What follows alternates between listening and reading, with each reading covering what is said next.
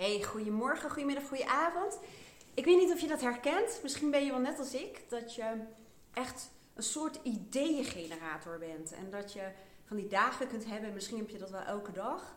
Ehm, dat je getriggerd wordt en dat je vol inspiratie bent. Of misschien gaat het niet eens over de ideeën en de inspiratie. Maar dat je wel denkt, oh moet dat nog doen, moet dat nog doen, moet dat nog doen, moet dat nog doen. Oh, moet dat nog uitzoeken. Nou, wat ik in elk geval doe, en dan merk ik dat mijn brein voor mij gaat werken, is om dat creatieve brein te combineren met structuur. Nou, heel kort, want ik zie dat ik nog maar een halve minuut heb.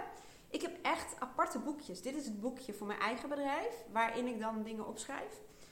Dit is mijn planner, waar ik echt vanuit mijn visie voor um, de lange termijn en naar de maand kijken, naar de weken kijken, naar de dagen kijken. En dit is het boekje voor Mindshifters. En ik zal je in de volgende video wat meer uitleg geven over wat ik hiermee dan precies doe en hoe dat mij helpt.